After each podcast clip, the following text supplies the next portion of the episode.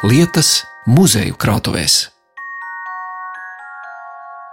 Man šķiet, esmu izvēlējusies pašu vieglāko ceļu. Kaut gan visvieglākais ceļš būtu ieiet interneta vietnē un izlasīt par teju visiem rūpniecības uzņēmumiem, visu industriālo mantojumu, kas ir apkopots. Bet es esmu ieradusies tad bibliotēkā, Es saprotu, ka daudzi priekšmeti un dokumenti atrodas vai nu arhīvā, vai arī citos muzejos, bet tomēr, tomēr, tomēr es uzprasījos ciemos pie jums, Eva, lai tad iepazītu tuvāk to krājumu, kas ir šeit, jo te ir arī taustāmas lietas. Nu, šeit ir jāsaka par to, ka industriālais mantojums jau ir uh, milzīgs kopdarbs, kurā ir piedalījušies gan Latvijas arhīvi, gan muzeji, gan bibliotēkas, un tajā skaitā arī uzņēmumi, jo veidojot šo industriālā mantojuma kolekciju, tajā ir pieejams vairāk kā 300 lapušu apjoms no vēstures, no industriālās vēstures, un nu, jau krietni vairāk kā 10 tūkstoši digitālie objekti. Un, kā minējāt, tie ir gan no muzejiem, gan no arhīviem un bibliotēkām, un šīs arhīvu lietas lasot un pētot muzeju priekšmetus, veidojas šis plašais skatījums uz šo industriju, kas tika ražots, kā tika ražots un kā dažādos laikos tās lietas arī izskatījās. 50 tūkstoši lapušu no arhīva materiāliem, vairāk nekā pusotra tūkstoša fotografiju, gandrīz 400 kinohroniku sižeti un pāri par 300 lapusēm vēstures aprakstu par vairāk kā simts ražotnēm, kas reiz bija un vēl ar vien darbojas Latvijā. Tas ir apjoms, kas ikvienam ir pieejams digitālajā kolekcijā Industriālais mantojums, un šajā raidījumā aplūkosim divus uzņēmumus. Pārlaposim ziņas par zīda fabriku Rīgas audums, ko Latvijas pirmās brīvvalsts laikā košo apstādījumu dēļ dēvēja par ziedošo fabriku. Savukārt, skatot sarkandaugavas rūpnīcas pravodņiku pagātni, uzzināsim, ka reiz tur ražoja linoleju, kas tika ieklāts uz superlainera Titaniks klāja.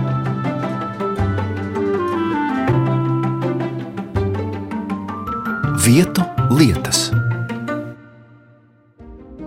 Pirmais ražojums, ko izlaida mūsu uzņēmums, bija vatelīns, bet drīz vien tam pievienojās arī padrēbe, tas ir oderdrāna, no kokvilnas un mākslīgā zīda šķiedras.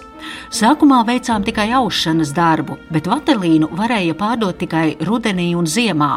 Lai ražotu to pārējā laikā un uzkrātu nākamai ziemas sezonai, būtu gatavos ražojumos jāiegulda liels kapitāls, kāda mums nebija. Bet arī mašīnām nevarēja ļaut stāvēt dīkā pavasarī un vasarā.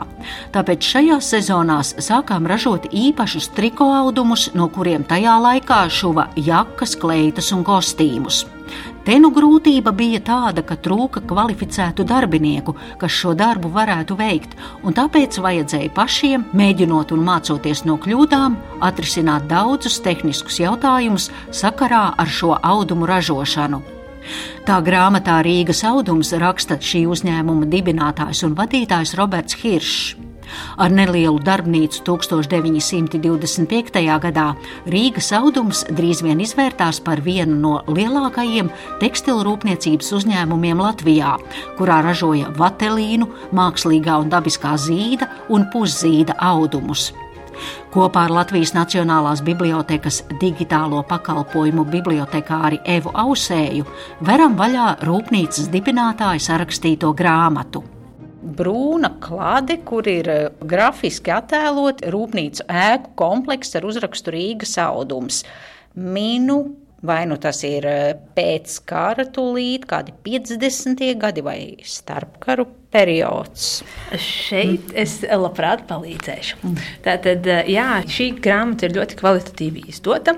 Un, ja mēs šo grāmatu veram vaļā, tad mēs ieraugam arī šo autoru, kas ir Roberts Hiršs. Rīgas audums, izdevniecība Daugava. Vai tas ir trimdas izdevums vai tas? Tieši tā. Un šeit jau mēs redzam, ka tā grāmata ir izdota trimdā. Stokholmā 1965. gadā. Bet cik skaists ir te varbūt pirms mēs ķeramies klāt šim uzņēmumam, par to pirmo iespiedu lapu es vēlos saka, apdziedāt. Tur ir uzzīmētas trīs tādos stilizētos tautas tērpos meitas. Viena sēž pie stellēm, viena pie tītavām un viena pie ratiņu. Un apakšā tad tautas dziesmas vārdi, viena vērpa, otra auda, trešā zīdu šķetināja. Šī grāmata ir ļoti, ļoti kvalitatīvi iespiesta uz laba papīra un arī vizuāli ļoti ļoti labi noformēta. Šis autors Roberts Hiršs ir uzņēmuma dibinātājs. Tās ir viņa atmiņas par uzņēmumu, kā šis uzņēmums ir tapis, sākot no pašiem, pašiem pirmsākumiem. Tas ir krasta ielā, mazā pagrabiņā, pirmās iekārtas, lai ražotu vatelīnu un pārceļoties jau uz lielākiem uzņēmuma telpām. Stāsts ir par to, kā bija viss šis ceļš līdz šim uzņēmumam, un beigās, ka viņš arī aizbrauca uz uh, ASV pēc tam. Un tad mēs varam ar jūsu laipnu atļauju. Mm, jā, šķiet tālāk un skatīties. Jā. Viņš ir arī saukts tajā laikā par zīda karali. Un arī šī grāmata ir lielisks piemērs, eh, kā no vienkārša cilvēka kļūt par uzņēmēju. Un uh, lieliskā īpašība, kas viņam pašam piemita, bija šī sociālā atbildība un pakāpeniski savus darbiniekus arī mācīt un veidot uh, šīs dažādas. Tur bija gan pulciņi, gan māšu skola, kas ir ļoti interesanta lieta. Mātes skola. Tā tad neliels sāņu solis no uzņēmuma darbības, bet mēs runājam par mātes skolu un lūkšu tad skaidrojumu, kas tas Jā. bija. Tātad uzņēmumam bija šīs sociālās atbildības programmas, kad tajā laikā bija svarīgi, lai šie darbinieki būtu izglītoti, viņi zinātu gan kā ne tikai kā nākt uz darbu un darīt savu tiešo pienākumu, bet arī izglītoties un mācīties, kā kopt zīdaiņus, rokdarbus darīt un tādas lietas. Un tad bija šie dažādās programmas, viena no tām bija māšu skola, bija arī kori un šie bērnu eglīšu vakari, kā dažādi šie pasākumi pašiem Rīgas auduma darbiniekiem, kas veicināja šo uzticību un, un darbas paru tieši konkrētajā uzņēmumā. Un šajā grāmatā jūs man rādāt, te ir arī fotografija. Es saprotu, tas ir vēl pirms padomi Krievijas okupācijas, jo te ir rakstīts mātes skolas izlaiduma akts 1940. gadā. Vēl rūpnīca nav nacionalizēta un, un vēl viss notiek. Un kā te var redzēt, jā, ka skolā mācīja, kā sabalansēt mājturības budžetu, saimniekojot ienākumu robežās ēdienu gatavošanā mācīja, kā lēti iegūt veselīgu un pilnvērtīgu uzturu. Viesību galdiem un tortēm pieskārās tikai garām ejot. Tāpat arī mācīja zīdaiņu kopšanu, pirmās palīdzības sniegšanu nelaimes gadījumos, sievietes un laulības higiēnu, bērnu psiholoģiju un tam līdzīgi, un arī rokdarbi.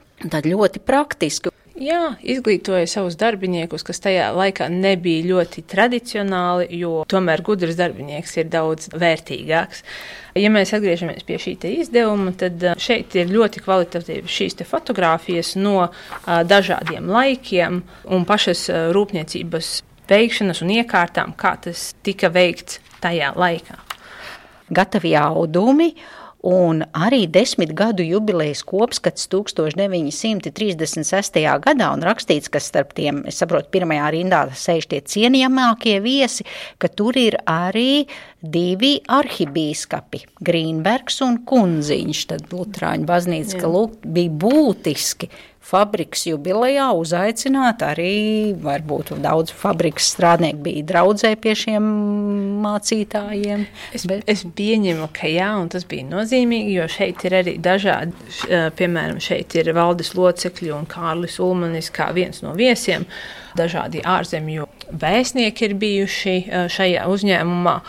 Un viena no tām labajām lietām par šo uzņēmumu ir tas, ka arī tika veidota infrastruktūra ap uzņēmumu, lai būtu šīs siltumnīcas, ziedošie augi un arī vīnogas tika audzētas pie šī uzņēmuma. Tādā veidā paplašot plašāk mūsu izpratnē jau šī uzņēmuma kā tādu, kad tā ir daļa no ikdienas un dzīves.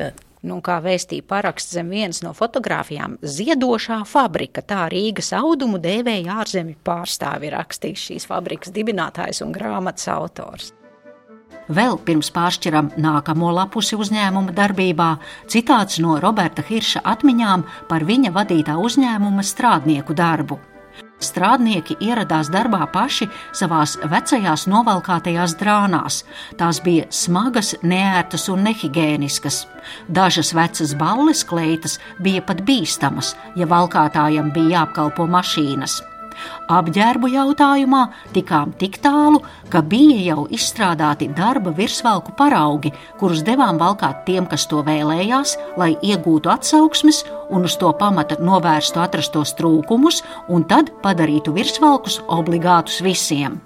Līdzīgā kārtā noskaidrojās, ka veci apavi, dažkārt ar augstiem papēžiem un šauriem purniem, bojāja kājas un ķermeni, ja visu darba laiku bija jāstāv kājās. Tāpēc mēs meklējām veselīgāko un ērtāko darba kurpju veidu, lai tad vēlāk to piemērotu visiem.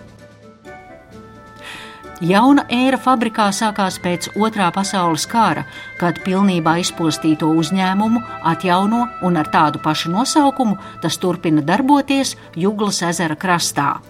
Un 1957. gadā tiek izdota grāmata Rīgas audums, kas sākas ar vārdiem Liels ir Latvijas tekstilnieku sociālistiskais apzinīgums un sirdsdeksme. Caur revolūcijas cīņām viņu ceļš vedīs uz uzvaru.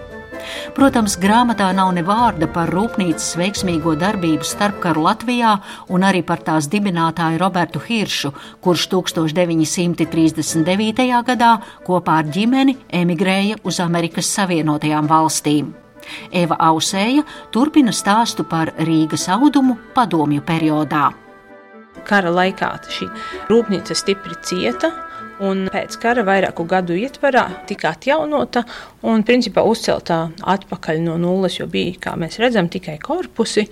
Un tad veidoja šī savā ziņā jaunā rūpniecība, kas arī ražoja šo zīdu, un uh, pēc tam arī tirgoja un eksportēja. Šeit var redzēt, salīdzināt kvalitāti, kā tā kvalitāte atšķiras šiem dažādajiem izdevumiem, gan iespiedu tehnikā, gan drukā un dizainā. Un šeit ir Latvijas valsts izdevniecība 57. gads. Un tad jau šeit mēs varam apskatīt arī to dažādo stilu, kā tiek runāts par pašu uzņēmumu. Šeit ir redzams arī auduma paraugi, Rīgas auduma produkcijas mākslinieckais noformējums ir glīts un oriģināls. Tad drapērijas ir sakārtoti audumi, Vai to var nosaukt par originalitāti, grūti teikt. Un, ja mēs salīdzinām to, kas ir 20. un 30. gados ielikts šī Krišāna barona un dzirnavu ielas stūrī, skatlogā, šie sezonas audumu paraugi, tad šeit jau mēs redzam pavisam citu dizainu, pavisam citu kārtojumu un kā atšķiras šie divi dažādie skatlogi tie 20. un 30. gadi izskatās daudz modernāki un daudz oriģinālāki, salīdzinot ar to, kā audums tika reklamēts skatlogos padomu laikā. Savā veidā Rīgas audums tajā laikā, 30. gados, diktēja Rīgas modi. Te pilnīgi tā kā tāda skatuves scenogrāfija ir tur fonā, vai tie ir kādi prožektori, un tur ir manekēni, kurām tās kleitas sakārtots tas audums bagātīgās krokās, un tā kā tādi jūras viļņi un vēši audumi. Tur tiešām vesela scenogrāfija ir, un šeit ir, nu, jā, padomu laikos vienkārši izlikti audumi. Glītī, bet par originalitāti, protams, varam pastrīdēties. Atmetot ideoloģisko uzslāņojumu minētajā grāmatā, ir jāatzīst, ka arī padomju laikā rūpnīcas teritorijā darbojās siltumnīcas, kur tika audzētas vīnogas, strādnieku bērniem bija pieejams bērnu dārzs, bija atvērta poliklīnika un bibliotēka, un lai arī padomju pelēcībā un vienveidībā nebija pieejama tāda audumu krāsainība un oriģinalitāte kā Hirša laikos, tomēr nevar noliegt šī uzņēmuma audumu māksliniecisko izpildu izpildījumu kvalitāti.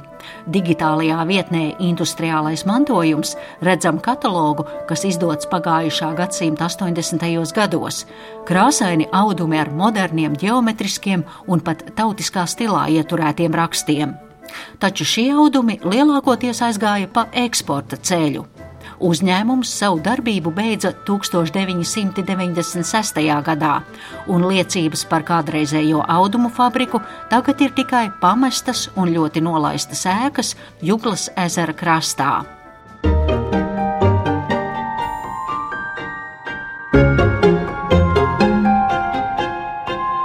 Vietu lietas. Nedaudz labākā stāvoklī ir Sarkandaugavā esošās rūpnīcas Pravodņika, vēlāk pēc otrā pasaules kara Rīgas elektromašīnu būves rūpnīcas jeb RER ēkas.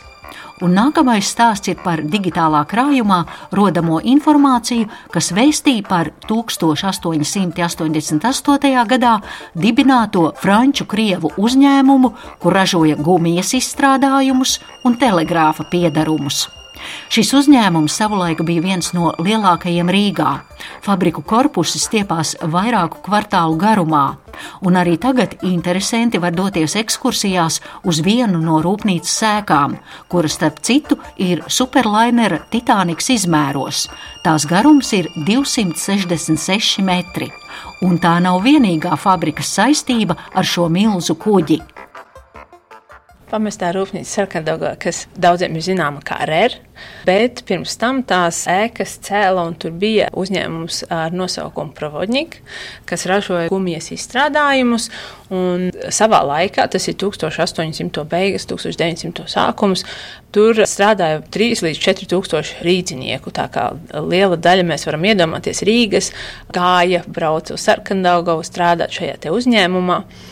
Un tā kā tika pieminēts šis Titaniks, tad uh, viens no tādiem interesantiem faktiem ir, ka Provodņikā ražoja linoleju. Viena no precēm bija linolejs, un šis linolejs tika ieklāts uz Titanika klāja ir arī tādas šis, šis te līmenis. Nē, jo es šobrīd, mēs neesam televīzijā, bet, nu, droši vien man seja šobrīd atgādināja pūtas fizionomiju, jā, tas bija kā apakštās. Jā, un mm. nav iespējams tagad varbūt burtiski pārbaudīt, bet tas ir zināms fakts, ka arī šie linoleja paraugi ir pieejami dažādās vietās. Bija šīs grāmatas ar linoleja paraugiem, un tad uh, man būtu interesanti zināt, kurš tad no šiem linoleja paraugiem tika izmantots uh, uz Titanika klāja. Kā jūs to uzzinājāt? Ja nemaldos, uh, tas bija industriālā mantojuma veidojot vienā no kino kronikām minēts kā fakts, ka bija šis linolejs kā viena no precēm, kas bija lielākā noieta tirgus, un tad uh, arī tas tāds interesants fakts, ar ko savā veidā lepoties. 20. gadsimta sākumā fabrikas produkcijas klāstu papildināja automobīļu, velosipēdu un lidaparātu riepas, kuras Pravodņika sāka ražot viens no pirmajiem Eiropā. Ar šīm riepām tika apgādāti slavenie Ruso balta automobīļi un Leitnera fabrikas velosipēdi, kā arī pirmie Latvijā būvētie aeroplāni. Produkcija bija ļoti kvalitatīva, un pēc tās bija liels pieprasījums, un to labi pazina visā pasaulē. Fabrikai bija apmēram 60 preču noliktavas un pārstāvniecības Eiropā un Āzijā, un 1889. gadā fabrikā strādāja 650 strādnieku, bet pirms Pirmā pasaules kara jau ap 14 tūkstošiem, un tā bija viena no četrām lielākajām gumijas fabrikām pasaulē. Tā ir lasāms industriālā mantojuma digitālajā vietnē, un Latvijas Nacionālās bibliotekas digitālo pakalpojumu bibliotekāre Eva Ausēja turpina uzskaitīt šīs fabrikas produkcijas noietu faktos un skaitļos. Nacionālajā bibliotēkā ir tāds preču katalogs. Apskatīsimies pašā industriālā mantojuma kolekcijā. Šis preču katalogs ir ļoti, ļoti biezs un izdots 1897. gadā. Ir četrās dažādās valodās - krievu, vācu, franču un angļu valodās. Šie apraksti par pašu uzņēmumu, uzņēmumu precēm, darbības principiem. Tur ir ļoti liela detalizācija. Un šīs ļoti augstā kvalitāte arī šīs fotogrāfijas, kā tajā laikā izskaties šis uzņēmums ar visām noliktavām, Un uh, šī izdevuma beigās ir arī eksporta valstu saraksts un adrešu saraksts, uz kuriem tika eksportētas, pieņemsim, riepas. Tad tas ietvēra visu plašo pasauli - Austrālija, Brazīlija, Amerika. Un viena no zināmākām ir šīs auto riepas, ko viņi ražoja. Un šeit ir arī redzamas tās milzīgās kurinātavas, lai būtu produkcijas ražošana, šī gumija. Šeit arī ir tas katlu mājas redzamas. Un tas ir pats pats pamats pašai tam uzņēmumam un tie augstie eh, griezti, kas bija tajā laikā ļoti, ļoti nepieciešami. Ko vēl interesanti uzzinājāt, ja mēs skatāmies fabrikas vēsturi? Šeit mēs redzam dažādus plakātus, kā Provodņika ir uh, reklamējis savus produktus. Šeit ir redzami gan vecā drukā, gan krievu valodā, gan uh, angļu valodā. Reklāmas plakāts ir nodrukāts arī latviešu valodā, un tas vēstīja: Gumijas švammis mazgāšanai un beršanai, mīksts, higiēnisks un stiprs. Par stiprumu un labumu tiek pilnīgi galvots. Vēl detalizētāka informācija ir lasāma 1897. gadā izdotajā fabrikas, kā šodien teiktu, reklāmas bukletā. Toreiz vienā lapā ir sīki un smalki uzskaitīts viss, ko izgatavoja Pravodņikā. Jau pieminētās galošas, arī ekipāžu un velosipēdu šīnas, ar to domātas riepas, gumijas drēbes un, citēju, ūdens caurnelaidīgi apģērbi, un pie šiem ūdens caurnelaidīgiem apģērbiem ir pieskaitāmi kučieru mēteļi. Apģērbu kategorijā vēl tiek minēti arī tādi rūpnīcas ražojumi kā uniformas priekš kara, policijas, dzelzceļa un citām pārvaldēm.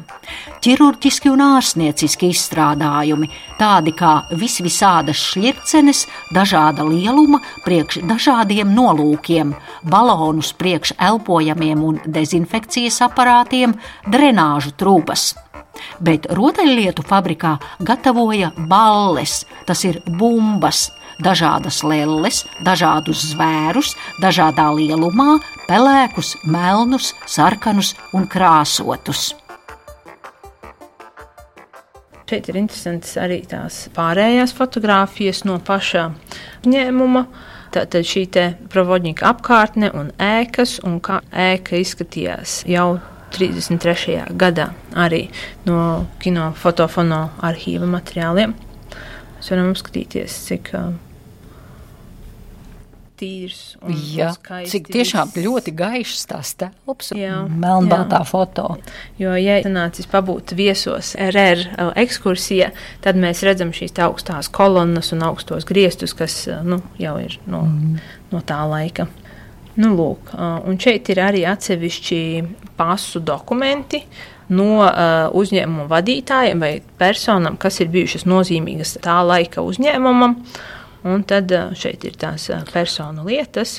Bet mēs redzam, tie visi vācu baltieši - Hertvigs Arnolds, Fēgadings Artūrs, Birkenhofs Nikolais. Nu, vismaz man šķiet izklausās pēc tādiem vāciskiem uzvārdiem. Būt, mēs varam arī paskatīties šeit šie te, uh, cilvēki, kas ir iesaistīti šī uzņēmuma vai nu dibināšanā, vai ir bijuši kā nozīmīgas personas šī uzņēmuma vēsturē, uh, tad šeit mēs redzam arī Arnoldu Hertvigu. Viņš sāk strādāt fabrikā no 1895. gada līdz 1907. gadam un kļuva par tā direktoru.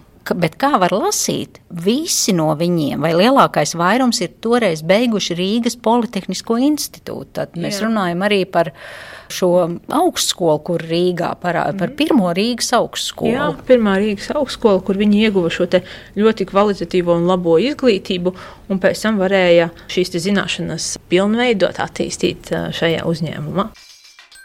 Kara laikā ražošanas iekārtas evakuēja uz Maskavu, kur tās nacionalizēja. Latvijā fabrikas darbība netika atjaunota. 1925. gadā likvidētās fabrikas vietā tika izveidota jauna kokrūpniecības akciju sabiedrība Pravodņik, kas aizņēma tikai daļu no kādreizējās fabrikas ēkām un teritorijas. Atjaunotajai akciju sabiedrībai ar uzņēmē darbību neveicās. Tā iekļuva parādos un 1935. gadā uzsāka likvidācijas procesu, kas noslēdzās 1940. gadā. Tā lasāms digitālajā vietnē Industriālais mantojums, kuru šodien ar ieskatu divos rūpniecības uzņēmumos iepazinām šajā raidījumā. Aicinu arī jūs ielūkoties vietnē, kuru var atrast informāciju, fotografijas un kinokadrus par mūsu valsts rūpniecības vēsturi. Raidījumā dzirdējāt Latvijas Nacionālās bibliotekas digitālo pakalpojumu bibliotekāri Evu Ausēju. Raidījumu veidoja Zane Lāce Baltāksne. Vietu lietas.